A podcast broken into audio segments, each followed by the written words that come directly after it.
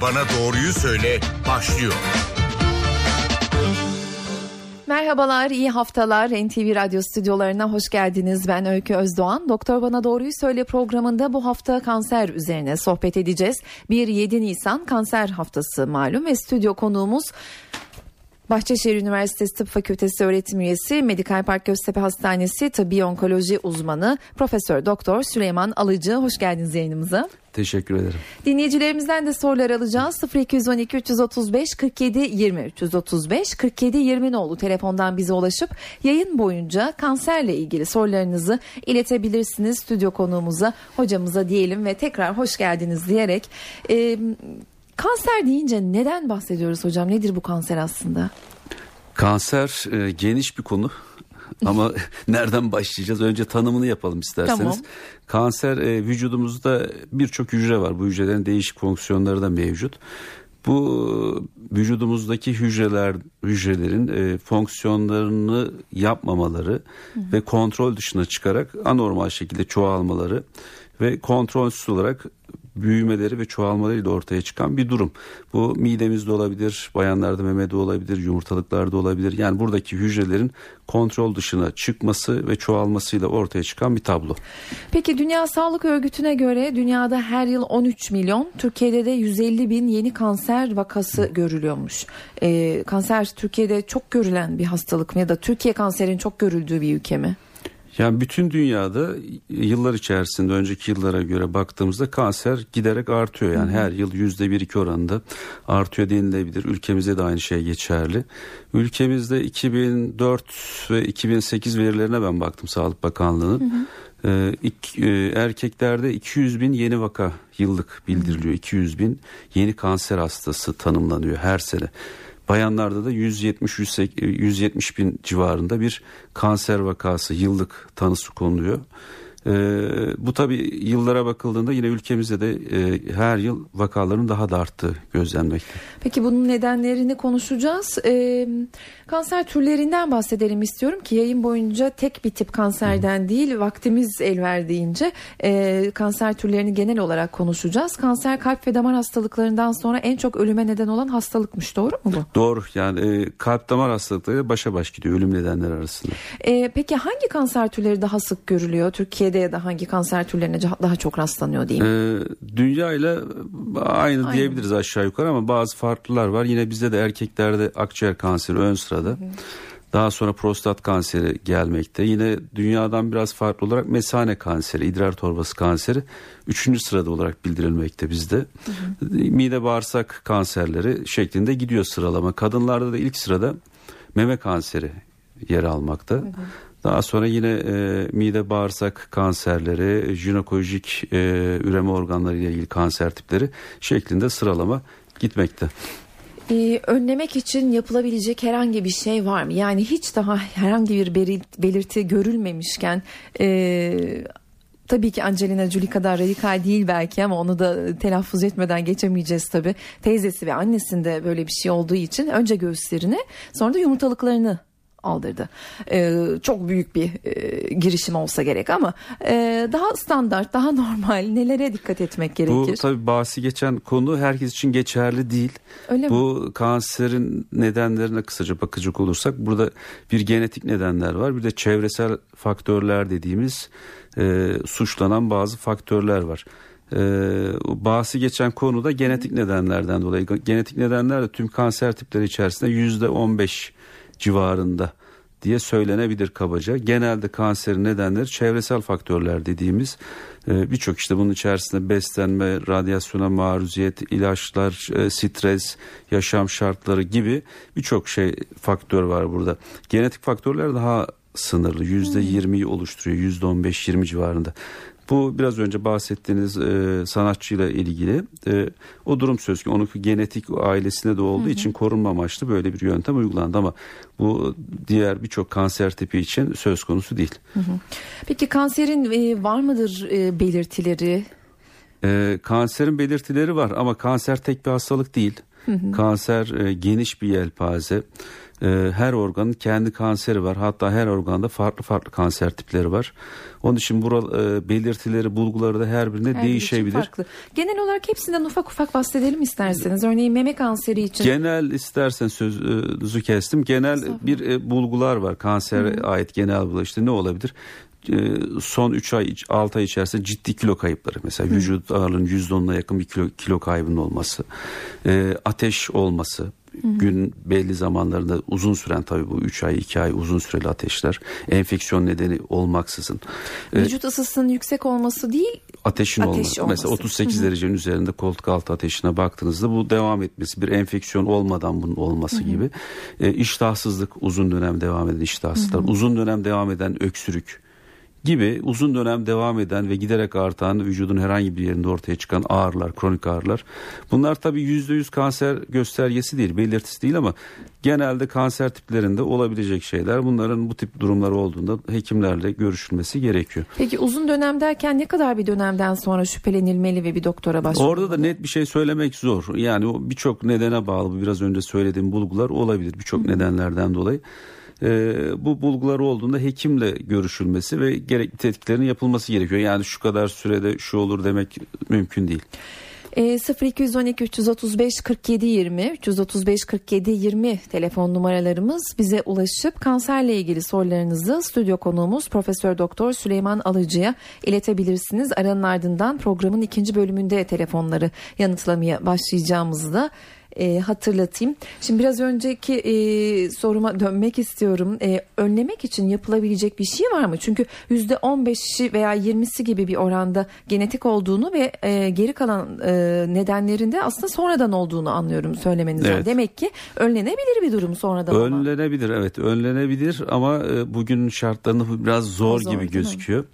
Ee, tabii hep slogan şeklinde işte geç kalmaktan korku Erken teşhis. evet e, gibi sloganlar var ama bu tüm kanser tipleri için geçer değil bence. Hı hı. Tabii ki e, duyarlı olmamız gerekiyor sağlığımız konusunda.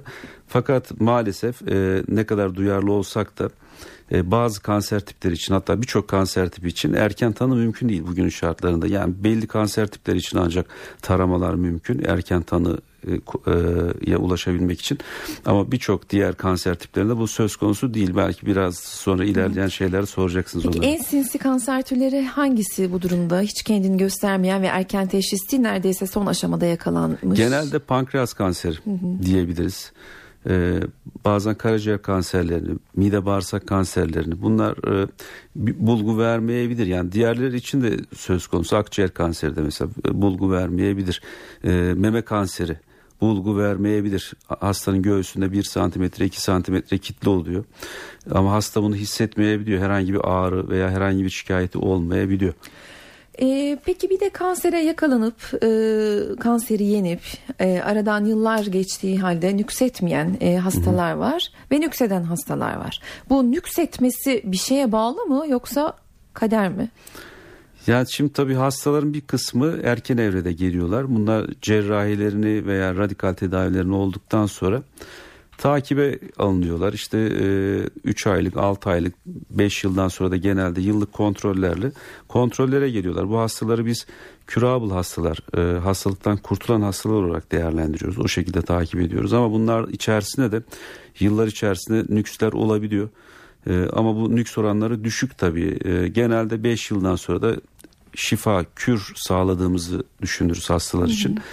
E, bu hastalar için de yine herhangi takip gerekiyor. Onun dışında ekstra yapacak bir şey yok. Ama bir de metastatik hasta dediğimiz hasta grupları var. İlk gelişinde, ilk tanı aldıklarında hastalığı vücudun herhangi bir yerine dağılmış oluyor diğer organlara. Bu hastalarda genelde kür dediğimiz şifa söz konusu değil genellikle. Bunlarda daha çok hastalığını durdurmak, geriletmek adına tedaviler yapıyoruz ve uzun dönem bu hastalar sürekli tedavi kontrol altında kalıyorlar.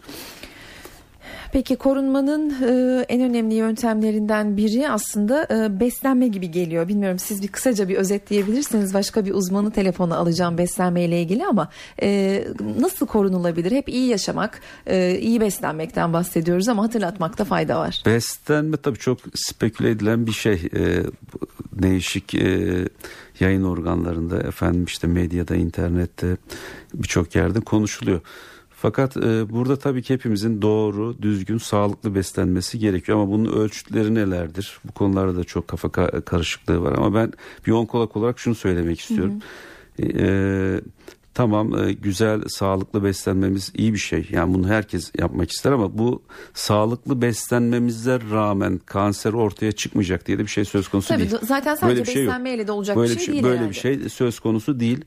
Ee, burada Tabii sağlıklı derken de günümüz şartları içerisinde, günümüz e, çevre şartları içerisinde bunu ne kadar sağlayabiliriz? O da mümkün değil.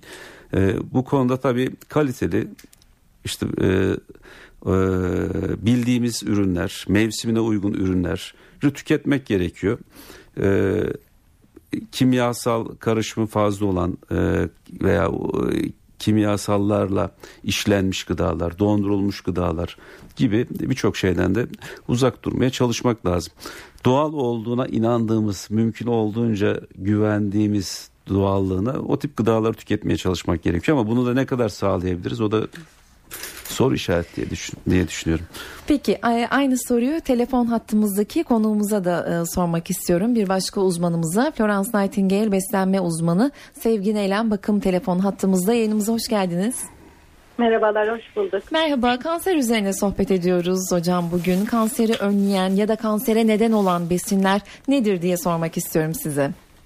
Ee, kanseri önleyen besinler bu, bunlar tam net besinler yok. Yani kesin şunu yerseniz kanser olmazsınız ya da şunu yerseniz kanser olursunuz diye bir şey yok. Ama kanser olmamak için doğru pişirme yöntemlerini kullanmamız lazım. Özellikle besin hazırlamada haşlama, buğulama, fırında veya ızgara yöntemleri. Yağda kızartılmış besinlerden uzak durulması gerekir. Mümkün olduğunca doğal ve işlenmemiş ürünler tercih edilmesi lazım ve besin hijyenine dikkat edilmesi lazım. Ee, peki kanser hastalarının e, kanser teşhisi koyulmuş hastaların özel bir beslenme programı takip etmeleri gerekiyor mu ya da kemoterapi gören hastaların özel kesinlikle kesinlikle gerekiyor. Ee, sağlıklı beslenmeyi önemsiyoruz biz. Temel olan 5 besin grubunda her gün düzenli olarak alınması gerekiyor. Ee, mesela birinci grup sebze grubu bol bol sebze, ikinci grup meyve grubu meyve, üçüncü grup et, tavuk, balık ve kuru baklagil grubu. Bir hafta yedi gün, iki gün tavuk eti, iki gün balık eti, iki gün kırmızı et, bir günde nohut, mercimek, kuru fasulye gibi kuru baklagiller. Dördüncü grup kalsiyum grubu işte yoğurt, peynir her gün muhakkak diyetinde bulunması lazım. Son grupta tahıl grubu, pilav makarna ekmek grubu. Bu grupta ölçülü miktarda tüketmesi gerekiyor. Peki sanki hiç et kırmızı et tüketilmezmiş gibi bir intiba var. Böyle bir şey yok ee, o zaman. Şöyle hayır şöyle yeterli miktarda yani az olarak da olsa haftada bir iki kez e, yağsız olarak ve düzgün pişirme yöntemi kullanılarak hazırlanmış etlerin kullanılmasında bir sakınca yok. Peki denir ki e, yani biz halk arasında e, işte yeşil çay iyidir, sarımsak iyi gelir, işte efendim evet. greyfurttur. E, bu, bu, bu tip birkaç e, besin telaffuz etmek mümkün mü acaba? Şöyle greyfurtu kemoterapi süresince biz çok istemeyiz. ilaçla etkileştiği için, etkileşim olduğu için greyfurt tüketilsin istemeyiz tedavi süresince. Hı hı. Ama greyfurt kanserden koruyucudur. Korunma kısmına baktığımızda evet greyfurt alabilirsiniz ama tedavi sürecinde hayır. Ee, sarımsak, soğan her daim tüketilmesi gereken doğal antibiyotiklerdir aynı zamanda e, doğal olarak tüketilmesi lazım. Bir de bizim bu duyduğumuz şeylerin çoğu korunmada geçerli. Hani bol antioksidan, bol sebze, bol meyve bunların çoğu kanserden korunmak için geçerli. Tedavi süresince her şeyi yeterli ve dengeli ölçüde almak lazım. Yani hiçbir besine fazla yüklenmemek gerekiyor. Ee, hem ilaçla etkileşebiliyor hem başka problemlere sebep olabiliyor. Ya da kanser hücresini tümörlü hücreyi güçlendirebiliyor. Bunlarla ilgili kesin e, çalışmalar henüz daha yok. Dolayısıyla korunmak için evet bol sebze meyve, bol antioksidan işte morlar, kırmızılar, yeşil sebzeler deriz. Ama tedavide daha sağlıklı beslenmeyi e, daha ölçülü her besin grubundan olacak şekilde dengelenmiş bir beslenme programı isteriz. Peki çok teşekkürler yayınımıza katıldığınız ben için. Ben teşekkür ederim. Görüşmek üzere. İyi günler. Florence Nightingale beslenme uzmanı Sevgi Neylem bakım telefon hattımızdaydı. Kanserden korunmak için veya tedavi sırasında ne şekilde beslenmesi, beslenilmesinin doğru olduğu e, konusunda bize kısa notlar, bilgiler aktardı. Peki hocam beslenme dışında nelere dikkat etmek gerekiyor diyelim son olarak beslenme öncesi. Beslenme ilgili ben aslında e, meslektaşıma şeyi de şekerle ilgili bilgi alanı. Ha. Şeker efsanesi vardır bizim e, hastalar arasında. Şeker tüketelim mi? Şeker tük, e, yemen yenmesi hı hı. hastalığımızı artırır, hücreleri besler gibi sürekli böyle bir kafa karmaşası da söz konusu. Ee, beyaz şeker ve esmer şeker önermiyoruz. Ben önermiyorum yani hmm. bildiğimiz ama onun dışında tabii ki birçok meyvede aldığımız birçok gıdanın içerisinde doğal şeker var. Onlarda bir sorun yok. Hı hı. Alınabilir. Ee, bunu da vurgulamak istedim. Peki önemli bir ayrıntıymış aslında. Ee, peki reklam arasına gidelim 0212 335 47 20 335 47 20 nolu telefondan bize ulaşıp kanserle ilgili sorularınızı stüdyo konuğumuz Profesör Doktor Süleyman Alıcı'ya iletebilirsiniz. Reklamın ardından dinleyici telefonlarını yanıtlamaya başlayacağız. Aranın ardından yeniden yayında olacağız.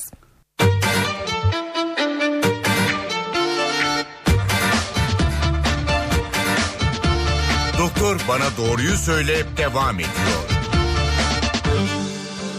Doktor Bana Doğruyu Söyle programında bu hafta kanser üzerine sohbet ediyoruz. Bir 7 Nisan kanser haftası olacak. Biz de bu hafta öncesinde Bahçeşehir Üniversitesi Tıp Fakültesi öğretim üyesi ve Medikal Park Göztepe Hastanesi Tıbbi Onkoloji uzmanı Profesör Doktor Süleyman Alıcı ile kanser üzerine sorularımızı e, iletiyoruz. 0212 335 47 20 nolu telefondan da sizlerin dinleyicilerimizin sorularını alıyoruz.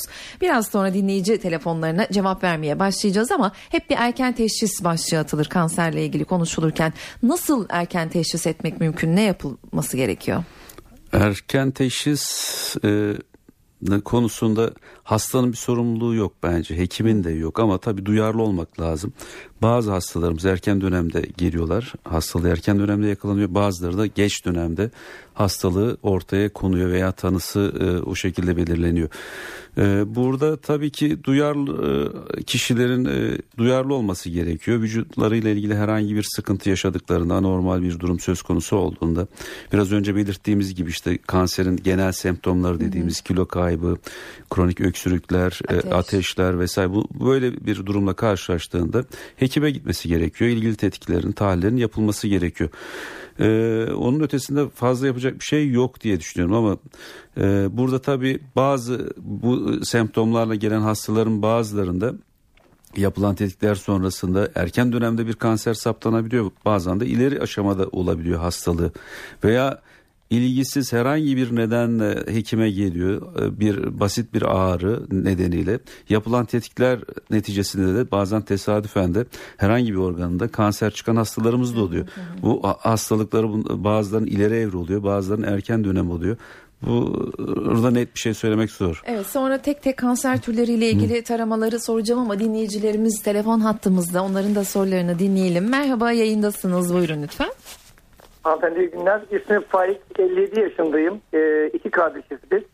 E, maalesef annemizi e, 75 yaşında koledok kanserinden kaybettik. E, dolayısıyla bizim kardeşler olarak yani oğulları olarak e, riskimiz var mı ya da yapmamız gereken bir şey var mı? Ya Burada e, hastalık e, biraz önce söyledik yani genetik ve çevresel faktörler diye. Sizinki daha çok çevre, çevresel faktörlerden kaynaklanan bir kansere yakalanmış anneniz. Genetik olarak sizi bağlayan bir şey olduğunu zannetmiyorum. Diğer dinleyicimizi de alalım. Buyurun yayındasınız. E, merhaba. Ben Hikmet Olgun İzmir'den arıyorum. E, sürekli kan veriyorum ben. 3 ayda bir gönüllü donuyorum yani. E, bu her kanser türü kan verme sonucunda test ortaya çıkar mı? Hocama bunu sormak istiyorum. Teşekkürler. Niçin kan veriyorsunuz? Gönüllü donörüm. Gönüllü, gönüllü donörüm. Ya kan vermeyle kanserin bir ilişkisi yok. Yani eğer sağlığınız yerindeyse herhangi bir engel durum yoksa kan verebilirsiniz. Yani oradaki testlerde hocam. Ha, e, kan verme işlemi esnasında yapılan testlerde kanseri gösteren bir şey yok. Oradan bir hemogram ve bazı virütik e, testler yapılabilir. Onlar bir gösterge değil. Peki 0212 335 47 20 telefon numaralarımız diyelim ve bir sonraki dinleyicimizi de alalım. Merhaba yayındasınız. Merhabalar efendim iyi yayınlar. Ben İzmir'den arıyorum İslam Hasan Korunlu. Hı hı. Ee, öncelikle hocama şunu söylemek istiyorum e, hani doğal beslenelim dedi ama ben mümkün olduğunca çok dikkat etmeye çalışıyorum. 7 yaşında bir oğlum var, 2 yaşında bir kızım var. Ekmeğimi dahi evde yapıyorum ama aldığımız unlar bozuk. Yani hep katkı maddeli. çorbamı hazır çorbaya sokmuyorum ama aldığım mercimek geniyle oynanmış mercimek. O yüzden kaçamıyorum. E, soruma gelince e, benim halam e, mide bulantısı, iştahsızlık şikayetleriyle hastaneye başvurdu. Katip Çelebi Hastanesi'ne İzmir Araştırma Hastanesi. E, orada yapılan testlerde kalın bağırsağın 12 parmak bağırsağın üstünde bir kitle tespit edildi. E, daha sonra lenfoma şüphesiyle 9 Eylül'e sevk edildi. 9 Eylül'de yapılan araştırmada korkulacak bir şey yok dendi. Ege Üniversitesi'ne sevk edildi. Ege Üniversitesi tam net cevap veremiyor. Bu lenfoma çok zor teşhis konan bir hastalık mıdır acaba? Bunu soracaktım hocama. Ee, geçmiş olsun. Ee, bağırsak e, tüm bağırsağın içerisinde e, lenfoma gelişebilir. Birçok vücudumuzun birçok yerinde de ortaya çıkabilir ama e, eğer bağırsak lümeninden bağırsak boşluğundaki bir kitleden e, söz ediyorsak onu bir kolonoskopik tetkik sonu sonrası yapılan biyopsiyle tanısı konulabilir. Çok zor olduğunu zannetmiyorum ama işin içerisinde başka detaylar varsa o konuda bir şey söyleyemeyeceğim. Peki geçmiş olsun diyelim ve diğer dinleyicimizi alalım yayına. Buyurun lütfen.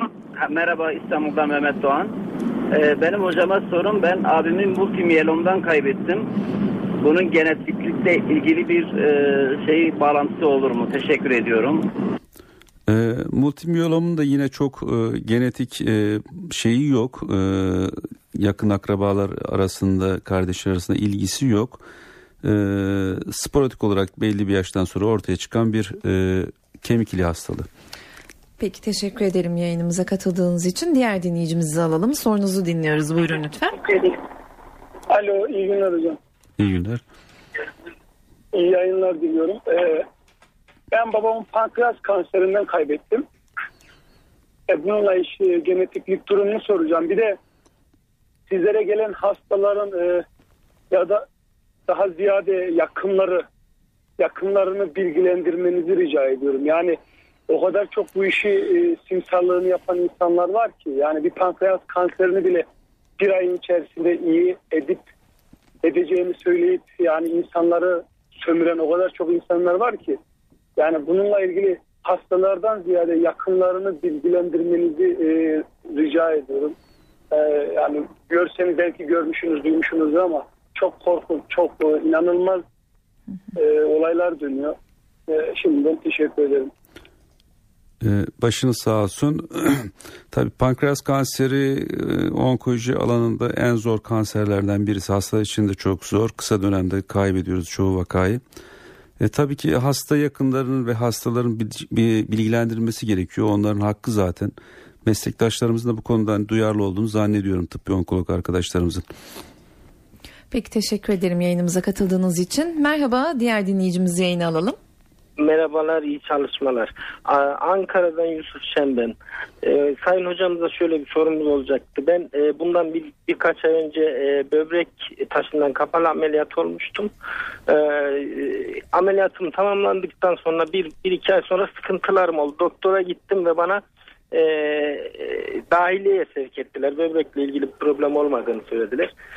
Bu yapılan kanlarda e, fenettin yani demir eksikliği dediler ve hocamız benden şey istedi e, kolonoskopi ve e, endoskopi taraması yapmamız. E, ayrıyetten dışkıya da baktılar gizli kan oluşmamış ama e, bunları istediler benden. Hocam bir de e, bu boğazımda bir daralma e, sıkıntısı oluyordu. Bunun içinde e, şey e, tiroid için e, ultrason istediler. Ve ellerim ve ayaklarımda ateş var hocam. Bunlar hangi sebep olabilir acaba? Ee, geçmiş olsun. Ee, demir eksikliği e, birçok insanda görüyoruz. Özellikle bayanlarda daha sık. İşte beslenme yetersizliği bazen e, bağırsaktan e, kanamalara bağlı, sızıntı şeklinde kanamalara bağlı. Bazen de emilim bozukluklarına bağlı demir eksikliği oluşabiliyor. E, bu da kansızlık dediğimiz anemiye neden oluyor. Onun için e, Burada e, tabii ki muhtemelen sizin aneminiz de var. Kansızlık da bulmuş olabilirler. O nedenle bunun tetkik edilmesi gerekiyor. Bağırsaktan bir kayıp var mı? Bir hem midenize hem de bağırsağınıza bakılması istenmiş olabilir. Doğru bir şey bakmak gerekiyor. 335 47 20 telefon numaralarımızı hatırlatalım ve diğer dinleyicimizi yayına alalım. Yayındasınız buyurun. İyi günler. Ee, ismim Burak Gürsu. 36 yaşındayım. Hocama verdiği bilgiler için önceden çok teşekkür ederim. Sormak istediğim konu şu ben e, periyodik olarak her sene mutlaka check-up'ımı yaptırırım. E, check-up yeterli olur mu bu tür e, keşifler için? Ya da ilave bir şeyler e, gerekir mi hocamın önerici? Şunu yaptırın, şu paneli yaptırın gibi. Çok teşekkür e, ederim. E, duyarlılığınız için teşekkür ederim ama e, check-up, e, kanser için check-up diye bir şey olduğuna ben inanmıyorum. E, hani bu birçok hastane veya değişik kuruluşlarda gündeme getirilebiliyor.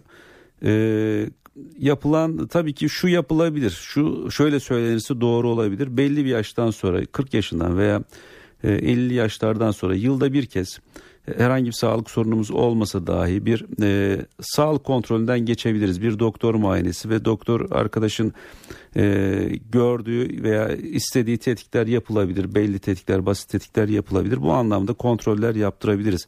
Ama bu yapılan kontrollerde de e, herhangi vücudumuzun herhangi bir yerinde bir tümör varsa bunu saptamak mümkün olmayabilir. E, burada şöyle bir sonuç çıkıyor. E, bazen e, hastalarımız geliyor. Ben check-up'ımı yaptırdım. 3 ay önce hiçbir şeyim yoktu ama bu nereden çıktı? Acaba atlandı mı, bakılmadı mı? Bunu onun için söylüyorum. Yani burada bu yapılan e, tetkik ve muayeneler doğrultusunda kanseri tanımlamak veya tanımak mümkün değil. E, o, yapacak o e, birçok kanser tipi için de erken tanıya yönelik yapacak da fazla bir şey yok. Ama yapılabilir. Doktor muayenesi, kontrolleri, belli basit tahliller belli bir yaştan sonra yapılabilir. Peki teşekkür ederim yayınımıza katıldığınız için. Diğer dinleyicimizi alıyoruz yayına. Merhaba, sizi tanıyalım. Merhaba, kolay gelsin. Ankara'dan arıyorum. Ee, yaşım 39. Ee, bundan 4 sene önce rektus kasından e, ameliyat oldum. Leiomoyosarkoma. Leiomoyosarkom, evet. Evet, e, high grade çıktı sonucum hocam. E, bunun sonucunda e, ışın tedavisi aldım. Kemoterapi görmedim. Yaklaşık 4 sene oldu. Benim merak ettiğim şu, e, işte bu kanser türünün e, görülme sıklığı nedir? E, daha sonrası için bu hastalık hani başka bir yerlerden yükseltme oranı nedir ya da e, bundan sonraki benim yaşamımı ne tipte etkileyecek? Bununla alakalı bilgi almak istiyorum sizden. Ee, geçmiş olsun. Sizin hastalığınız erken dönemde metastaz yapmadan saptanmış anladığım kadarıyla. Cerrahinizi oldunuz. Arkasından radyoterapi yapılmış koruma amaçlı. Ee, daha sonra da takiplerde kalmışsınız. 4 yıl gibi bir süreyi geçirmiş durumdayız. Bundan 5 yıldan sonra genelde yılda bir takipleri alırız. Ee, tabii çok düşük oranlarda da olsa tekrarlama riski var. Onun için de yine takiplerde en azından yılda bir 5 yıldan sonra takiplerinizi yaptırmanız gerekiyor. Geçmiş olsun diyelim 335 47 20 telefon numaralarımızı hatırlatalım ve diğer dinleyicimizi alalım yayına. Buyurun lütfen. Merhaba Alo, yayındasınız. Merhaba. merhaba. Bursa'dan arıyorum. Bursa'dan arıyorum. Yaşım 39. Ee, uzun süreden beri e, özellikle mide ve bağırsak e, yollarında aşırı gazdan dolayı e, şikayetlerim var. Aynı zamanda bağırsağımda bir de hemoroid var, iç hemoroid. Ee, belki bunun gazın çıkışıyla e, alakalı sıkıntıları e, sebebi olabilir. Ee, bu konuda özellikle bu gaz oluşumuyla alakalı e, ne tip tetkikler yapmam gerekiyor? E, bu konuda öncelikle bir gastroenteroloji uzmanıyla veya bir dahiliye iç hastalıklı uzmanıyla görüşmenizi önereceğim. Daha sonrasında hani inşallah bizimle ilgili bir şey çıkacağını zannetmiyorum. Diğer dinleyicimizi alalım yayına. Yayındasınız. Alo. Merhaba. Merhaba efendim. Sorunuzu alalım. Alo. Buyurun. Radyonuzun sesini kısıp sorunuzu sorabilir misiniz? Süremizin sonuna geliyoruz. Ekonomik kullanmaya çalışıyoruz. Ben sorum konuşacağım. Evet. Peki hattımızdan düştü dinleyicimiz. Diğer dinleyicimizi alalım yayına. Yayındasınız buyurun. Alo iyi günler. Merhaba. Ee, hocama şeyi soracağım ben. Kronik losemi. Anneme kronik losemi teşhisi kondu. Bunun tedavisi var mı ve ne yapmamız gerekiyor? Şimdi kronik lösemiler, e, kronik lenfositik lösemi veya kronik e, kronistik lösemi olabilir. Türünü bilmiyorum tabii ama ikisinde de tedavi mümkün. E, Birçok yeni çıkan ilaçlar söz konusu. E, bu ilaç tedavileriyle, kemoterapilerle hastalar daha uzun dönem e, yaşayabilmekte. Teşekkür ediyoruz. Diğer dinleyicimizi alıyoruz yayına. Buyurun Alo. lütfen. Yayındasınız. E, e, merhaba hocam. E, ben İstanbul'dan arıyorum. 42 yaşındayım. E, 10 sene önce, 13 sene önce babam mide kanserinden e, vefat etti. E, mide kanseriyle ilgili bir genetik olabilir mi diye.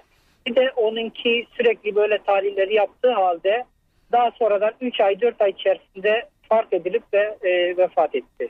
Kaç yaşındaydı babanız? E, 55 yaşında vefat ettiğinde hocam. Ama sürekli her sene e, dediğimiz gibi tetkiklerini yapardı ama 3 ay içerisinde fark edilip de e, vefat etmesi 3 ay falan sürdü. Peki başınız sağ olsun. Ee, mide kanserinde de genetik olabilir tabii. Genellikle genetik olanlar meme kanseri, kolon kanseri, yumurtalık kanseri bayanlarda. Ee, bunlarda dikkatli olmak gerekiyor. Mide kanseri için de erken yaşta özellikle 40 yaşının altındaysa e, tanı tarihi ve e, bireylerde kardeşlerde yine e, mide kanseri varsa birden fazla bunlarda genetik e, durumu sorgulamak lazım, tetkik etmek lazım. Zannedersem e, öyle bir şey yok.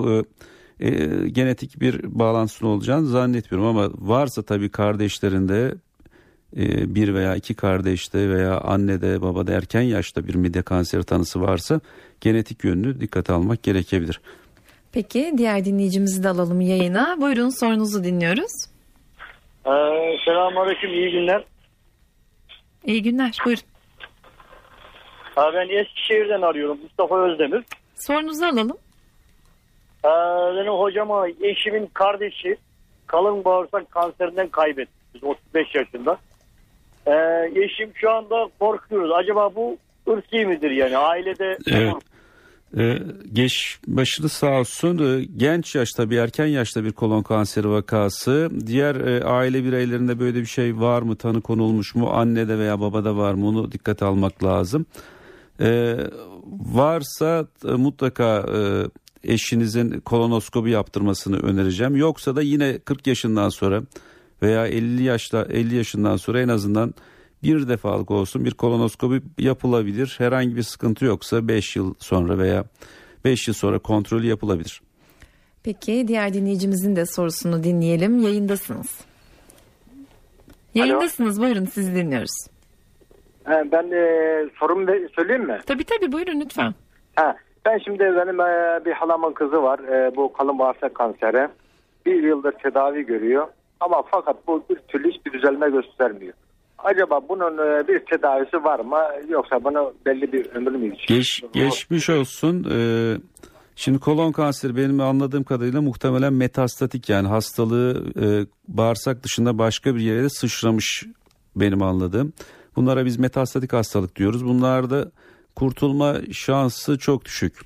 Bu hastalarda genellikle tabii ki kemoterapiler ve değişik tedavileri kullanıyoruz. Bu yaptığımız tedaviler ile hastaların yaşam süreleri uzuyor. Kolon kanserinde bugün için aşağı yukarı ortalama e, 30 aylara yakın bir sağ kalım süreleri var bu tedavilerle. Tedavisiz bundan 15-20 sene önce bu hastaların yaşam süreleri aşağı yukarı 8-10 ay civarındaydı. E, tedavisini devam ettirmesini öneririm. Peki. Ee, yayındasınız buyurun. Teşekkür ediyorum. Saygılar kolay gelsin. Teşekkürler. Alo. Sorunuzu dinliyoruz. Yayındasınız. Ha, pardon. Eşim KML hastası benim. Yak 12 yıldır 12 yıldır e, ilaç kullanıyoruz. Şu an bir sıkıntı görünmüyor ama eşim şey yapmak istiyor. İlaçlarını kesmek istiyor. Biz bu ilaçları keselim mi? Doktorumuz kesmeyin dedi ama yine de hocamdan duymak isterim. E, kesmeyin.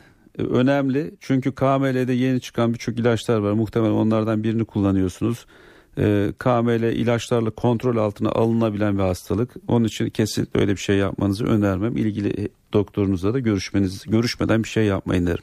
Peki süremizin sonuna geldik ama çok kısaca e, son iki dinleyicimizin sorusunu alalım. Çok kısa lütfen. Yani ben Yayındasınız. ha peki. Alo. Buyurun. Ben şey diyecektim. Ee, kanser hastalığı karşısında bazı o organlarda alınıyor, ameliyat alınıyor. Bu bir tedavi şekli mi yoksa ömrü mü uzatmak için yapılıyor? Şimdi kanserin e, temel tedavi 3 tedavi kabaca 3 tane tedavi e, şekli var. 3 tedavi ayağı var. E, cerrahi, kemoterapi, radyoterapi. Bunun dışında diğer tabii başka tedavi yöntemleri de var bunlarla ilişkili. Bu üç ayak bunların e, en önemlilerinden birisi de cerrahi e, mutlaka bazı durumlarda gerekiyor. Özellikle hastalık organıyla sınırlıysa başka bir yerine geçmediyse o hastalarda genellikle cerrahi yöntem uygulanıyor. E, bu tamamen hastalığını kurtarmaya yönelik olan bir tedavi. Ee, son dinleyicimizi alalım lütfen çok kısa bir soru olsun. Ee, iyi günler. Anneme kronik lösemi teşhisi kondu. Kronik lösemi tedavisi var mı? Hatta onu soracaktım hocama. Kronik geçmiş olsun. Kronik lösemilerde birçok yeni ilaçlar var kullanılıyor. Bunlarla hastanın yaşam süreleri belirgin şekilde uzamış durumda. Ee, ted- tedavisi mümkün olan bir hastalık. Peki çok teşekkür ediyoruz yayınımıza katıldığınız için. Bahçeşehir Üniversitesi Tıp Fakültesi öğretim üyesi ve Medikal Park Göztepe Hastanesi Tıbbi Onkoloji uzmanı Profesör Doktor Süleyman Alıcı'ydı bugünkü konuğumuz. Çok teşekkürler katıldığınız için. Ben teşekkür ederim. Önümüzdeki hafta bir başka konuyla karşınızda olacağız. Ben Öykü Özdoğan. Hoşçakalın.